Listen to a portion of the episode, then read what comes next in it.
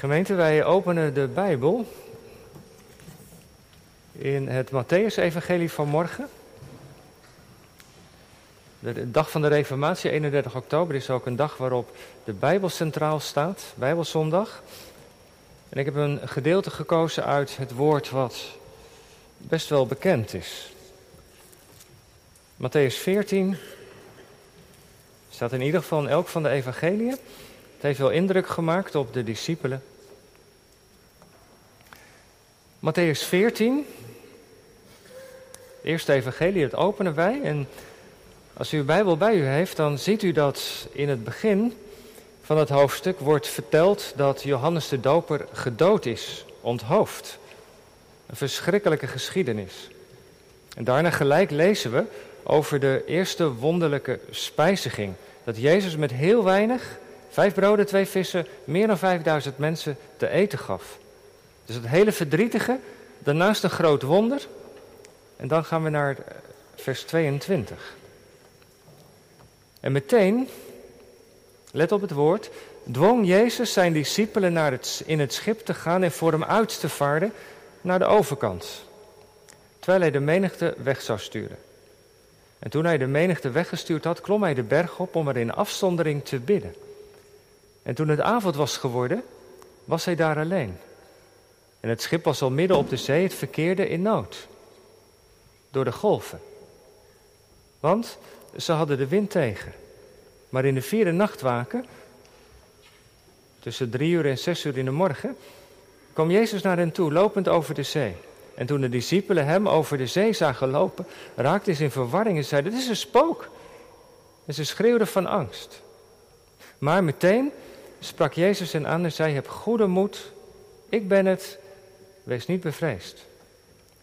En Petrus antwoordde hem en zei: Heere, als u het bent, geef me dan bevel over het water naar u toe te komen. En hij zei: Kom. En Petrus klom uit het schip, liep op het water om bij Jezus te komen. Maar toen hij op de sterke wind lette, werd hij bevreesd. En toen hij begon te zinken, riep hij: Heere, red mij. Jezus stak meteen zijn hand uit greep hem vast en zei tegen hem: Kleingelovige, waarom hebt u getwijfeld?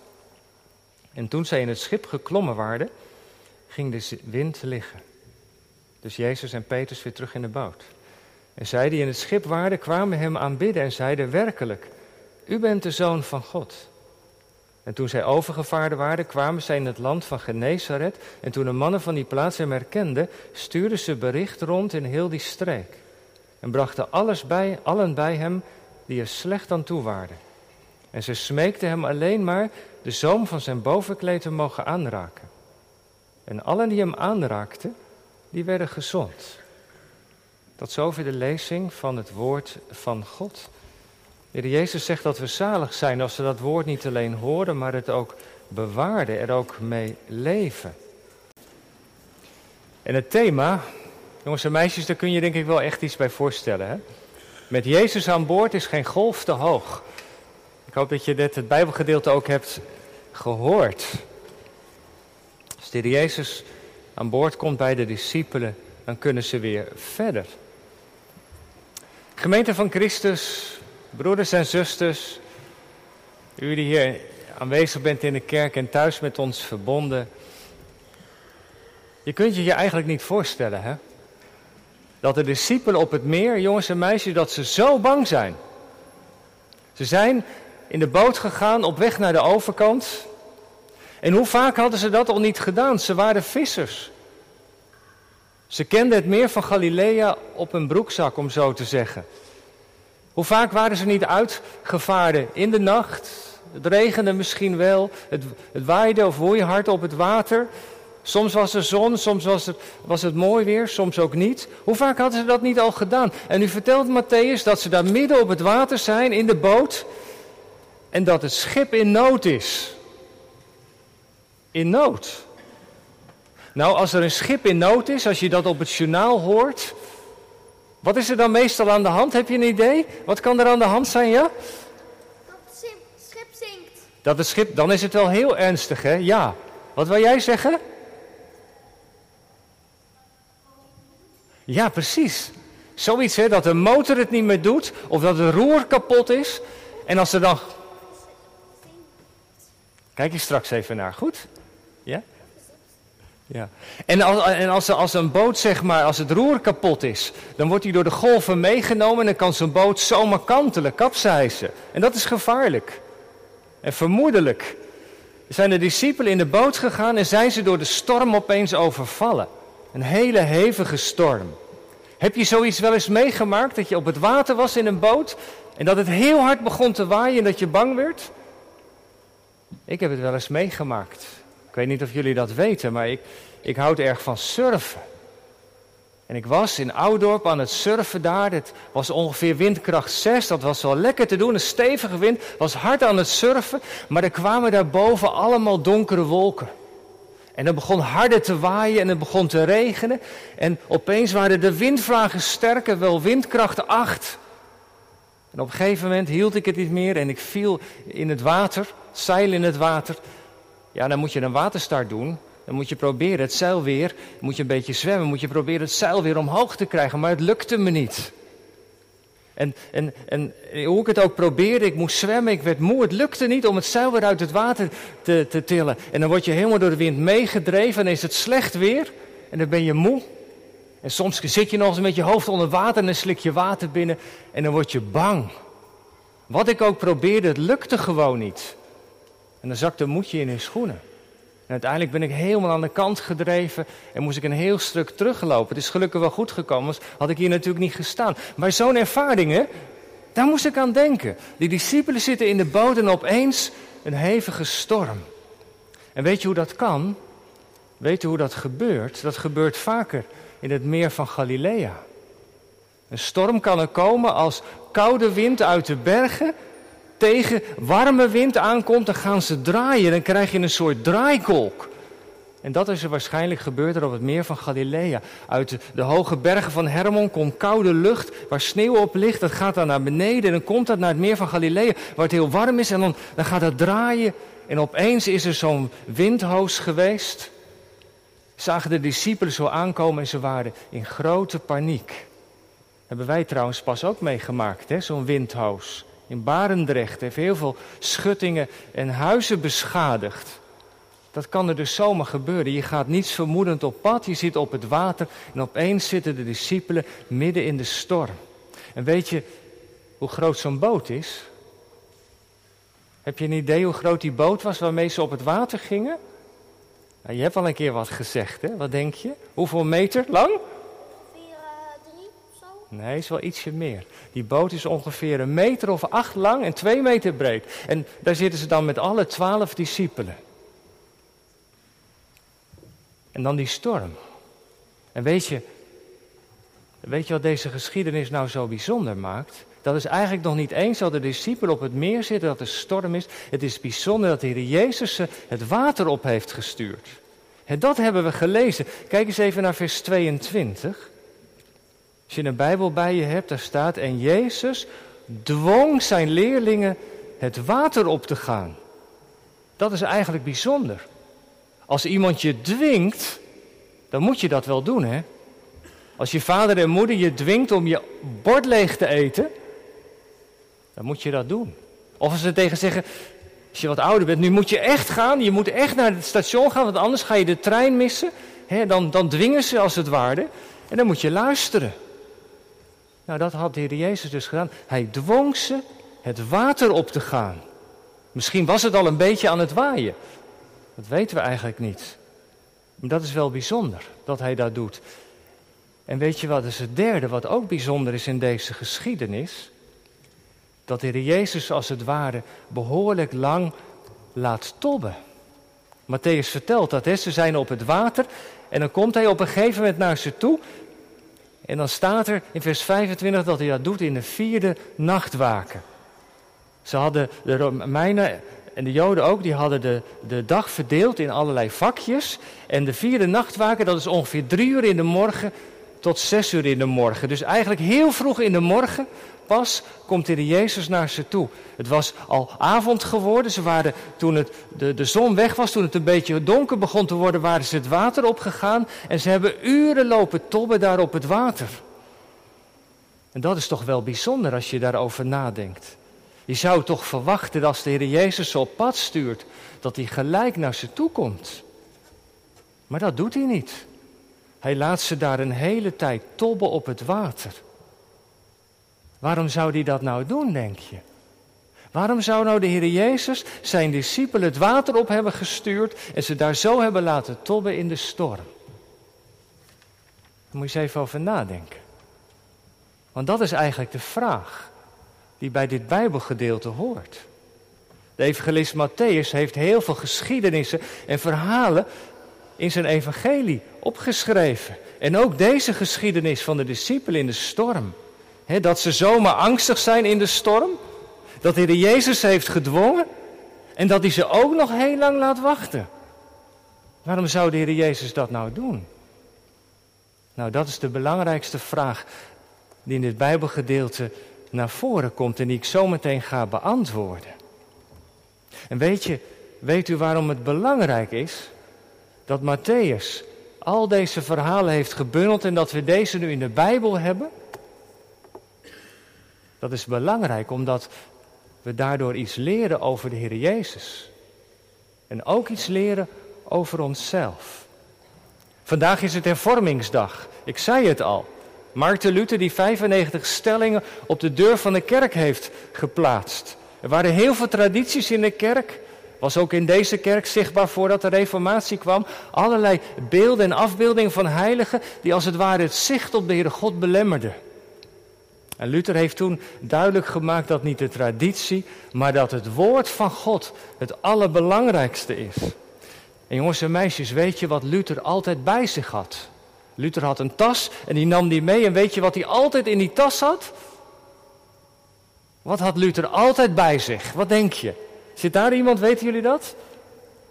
Wat zou Luther altijd bij zich hebben gehad? Ja, heel goed hè. Was eigenlijk een makkelijke vraag. De Bijbel. De Bijbel had hij altijd bij zich. Ik heb een paar Bijbels meegenomen. Maar die Bijbel van Luther, die was geschreven in het Latijn. Moet je maar eens even luisteren. Zit Luther uit de Bijbel te lezen. Sic enim dilexit Deus mundum ut filium suum unigenitum. Snap je het al? Daret ut omnis qui credit in eum non pereat. Set habeat vitam aeternam. Nou, dat vers, dat raakte Luther zo. Dat vond hij zo mooi. Maar wat stond er eigenlijk in die Bijbel? Ja, dat weten wij niet, hè? Gelukkig hebben wij een Bijbel in onze eigen taal. Ik heb maar eens even die allernieuwste nieuwe Bijbelvertaling meegenomen. En weet je wat Luther zat te lezen? Want zo lief heeft God de wereld gehad, dat hij zijn enige geboren zoon gegeven heeft, opdat een ieder die in hem gelooft niet verloren gaat, maar eeuwig leven heeft. Ja, dat kun je wel begrijpen, hè? Dat is gewoon in onze eigen taal. Luther vond het zo belangrijk dat die Bijbel, die in het Latijn geschreven was, vertaald werd in de taal van het land waar hij woonde, dus in het Duits. En Luther heeft de Bijbel vertaald in het Duits, zodat de mensen de woorden van God in hun eigen taal konden horen. Hij vond het zo belangrijk dat in de kerk het woord van God openging en dat iedereen die woorden van God zouden kunnen horen. En wij dus ook. En dat is iets waar hij heel veel werk aan heeft gedaan. En mogen wij vandaag de dag ook dankbaar zijn. Want in heel veel landen is de Bijbel vertaald in heel veel verschillende talen. En soms heb je ook weer nieuwe vertalingen nodig om het woord van God te kunnen begrijpen. Want dat was wat Luther ook wel heel belangrijk vond. Dat wij allemaal de Heere God zouden kennen. En dat wij de Heer Jezus zouden leren kennen en Hem zouden liefhebben. De Bijbel is ons gegeven om ons daarbij te helpen. En zo hebben die Bijbel ontvangen. Hebben heel veel mensen geïnspireerd door de Heilige Geest. Alle verhalen en geschiedenissen over de Heere God en over de Heer Jezus opgeschreven. En een van die verhalen, die lezen we vanmorgen.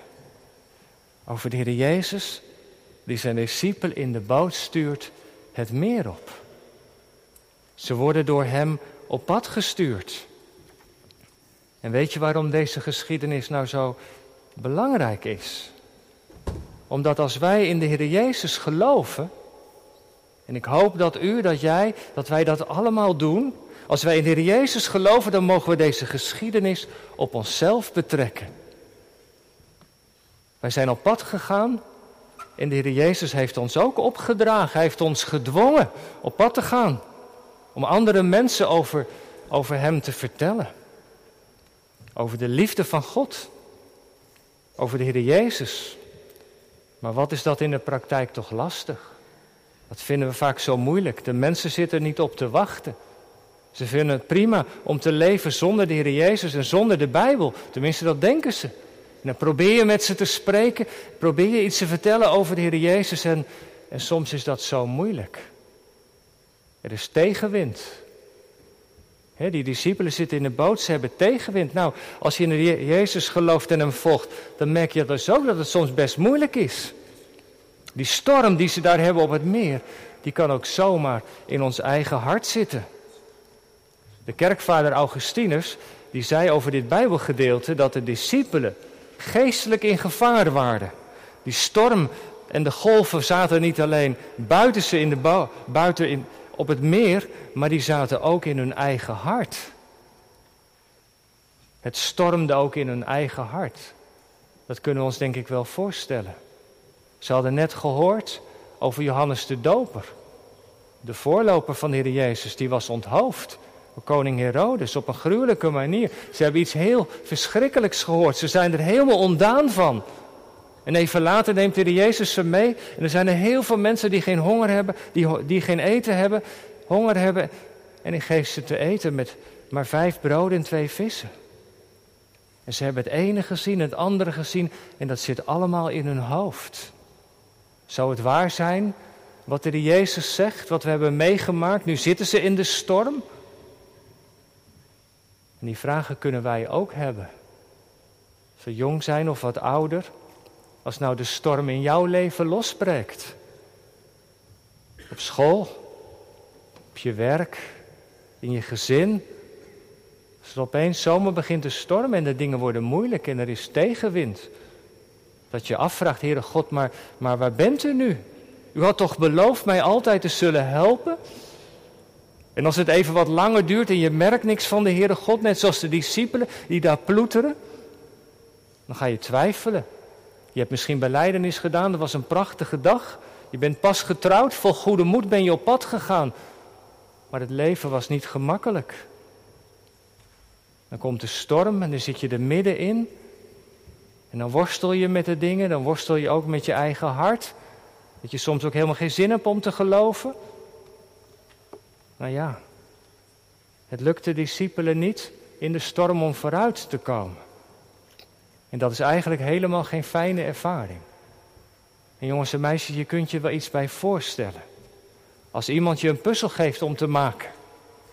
Maar dat is er een van wel duizend stukjes en alle kleurtjes lijken op elkaar. Hoe moeilijk kan dat zijn? En op een gegeven moment probeer je het en dan word je een beetje gefrustreerd. Het lukt me eigenlijk helemaal niet. Of ik, ik heb thuis nog een, een doos met technisch Lego staan. Een hele mooie racewagen. Maar toen ik hem kreeg, was hij zo moeilijk dat ik hem niet kon maken. Zelfs met het boekje erbij niet, lukte me dat niet. Moest mijn vader moest mij helpen. En soms heb je dat, hè, dat je dan iets wilt doen. En dan lukt het niet. En dat is eigenlijk helemaal niet fijn.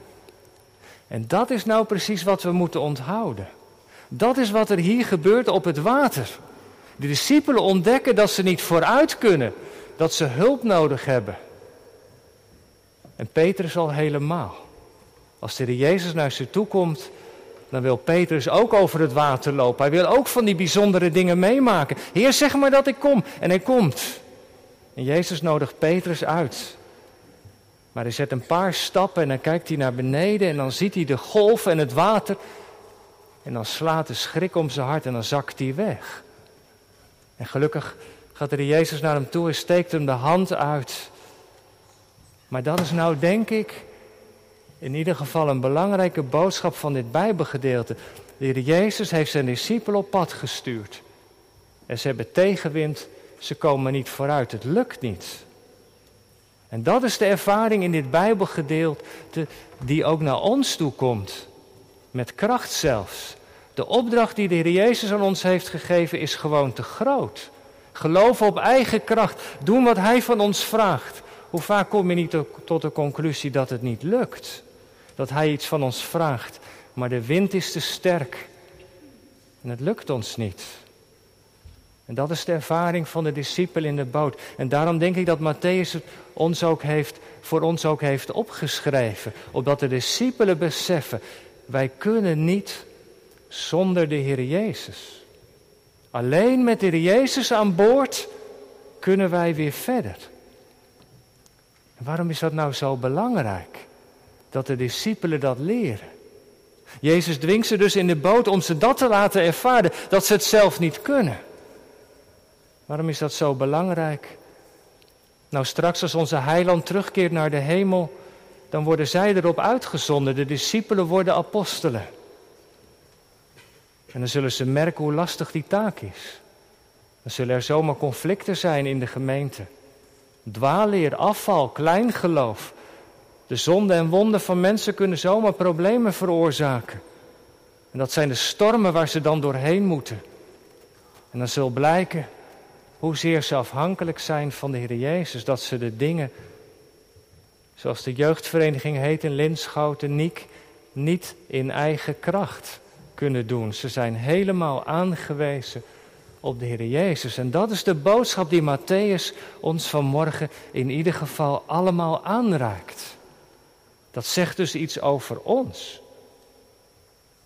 Maar het zegt ook iets over de Heer Jezus. En daar wil ik tenslotte drie dingen over zeggen. Want weet je, dit Bijbelgedeelte is bijzonder. De ervaring van de discipelen op de storm, dat ze bang zijn en angstig, is natuurlijk absoluut niet leuk. Als er dingen zijn in het leven, als er stormt in je hart, in je leven, dat is moeilijk. Maar vergeet de Heer Jezus niet. Drie dingen. En weet u wat zo bijzonder is? Je ziet het voor je, jongens en meisjes, stel je het even voor. De discipelen zijn op pad gegaan. Ze zitten daar in die boot op het water. Maar waar is de Heer Jezus? Weten jullie dat? Waar is op dat moment de Heer Jezus? Nog niet. Hij is nog niet op het water. Voordat hij op het water komt, waar is hij dan? Weet jij het? Op een hoge berg. Goed zeg. De discipelen zitten te tobben in de storm en de Heer Jezus is op de berg. En op die berg is hij aan het bidden. Is hij aan het bidden voor de discipelen. Hij ziet ze vanaf de berg. Hij is aan het bidden voor hen. Dat is toch bijzonder? Je zit in de storm, de dingen gaan moeilijk in je leven, je vraagt je af, waar is Jezus nu? En hij is aan het bidden. Hij zit nu aan de rechterhand van God en hij pleit voor ons. Dat wij niet uit koers raken, dat het volhouden in het geloof, dat we gehoorzaam zullen zijn aan hem. Jezus zit op de berg en hij bidt. En ik moest zomaar denken, aan die berg, aan die andere heuvel. Straks zal de Heer Jezus, vertelt Matthäus, op een andere berg zijn. En daar is hij ook aan het bidden. Maar dan hangt hij aan het kruis. Dan doet hij verzoening voor onze zonde. En dan bidt hij, Vader, vergeef het hun, want ze weten niet wat ze doen. Dan is hij bezig ons te redden. Niet omdat wij daarnaar hebben gevraagd, maar omdat hij dat heeft gedaan. Omdat niets ons zou kunnen scheiden van de liefde van God. Is dat niet bijzonder? De discipelen beseffen het nog niet, maar hij is bezig voor hen te bidden. Dat is het eerste. En dan ook het tweede, dat zeiden jullie al. Hè? Wat doet de Heer Jezus? Als dan, het, als dan de zon bijna opkomt, dan loopt hij over het water naar ze toe. Hij zoekt ze op in hun geploeter. Als ze ten einde raad zijn. Als ze helemaal op zijn. Als ze in eigen kracht niet kunnen verder gaan, dan komt hij naar ze toe en hij doet het op een wonderlijke manier. Hij loopt over het water. Dat heeft hij later nooit meer gedaan, dus het is wel heel bijzonder. Maar ik denk dat Matthäus wil zeggen, voor de Jezus zijn de geen omstandigheden te moeilijk. Waar je ook zit, hoe je leven ook is, hij kan zomaar naar je toe komen. Hij kan je zomaar opzoeken als je in je auto op pad bent, in je huiskamer, in je studeerkamer, in je kamer thuis. Hij is maar één zucht van ons verwijderd. De discipelen zijn verwonderd. Dat kan helemaal niet. Ze denken eerst dat het een spook is. Maar dan, dan ontdekken ze, nee, het is Jezus. En weet je hoe ze dat ontdekken? Door wat hij zegt. Vind ik zo mooi. En wat zegt de Heer Jezus als die komt? Lieve mensen, discipelen, houd moed. Ik ben het. Ik ben geen spook, maar ik ben het echt. Wees niet bang. Dat zijn de woorden die de Jezus sprak tegen zijn discipelen. Houd moed. Ik ben het. Wees niet bang. En elke keer als wij in moeilijke situaties zitten en wij roepen God om hulp, dan herinnert ons de Heilige Geest ons aan die woorden van de Heer Jezus. Dan kun je dat zomaar horen. Houd moed. Ik ben het. Wees niet bang. En de derde, dan komt hij aan boord. En dan wordt alles rustig.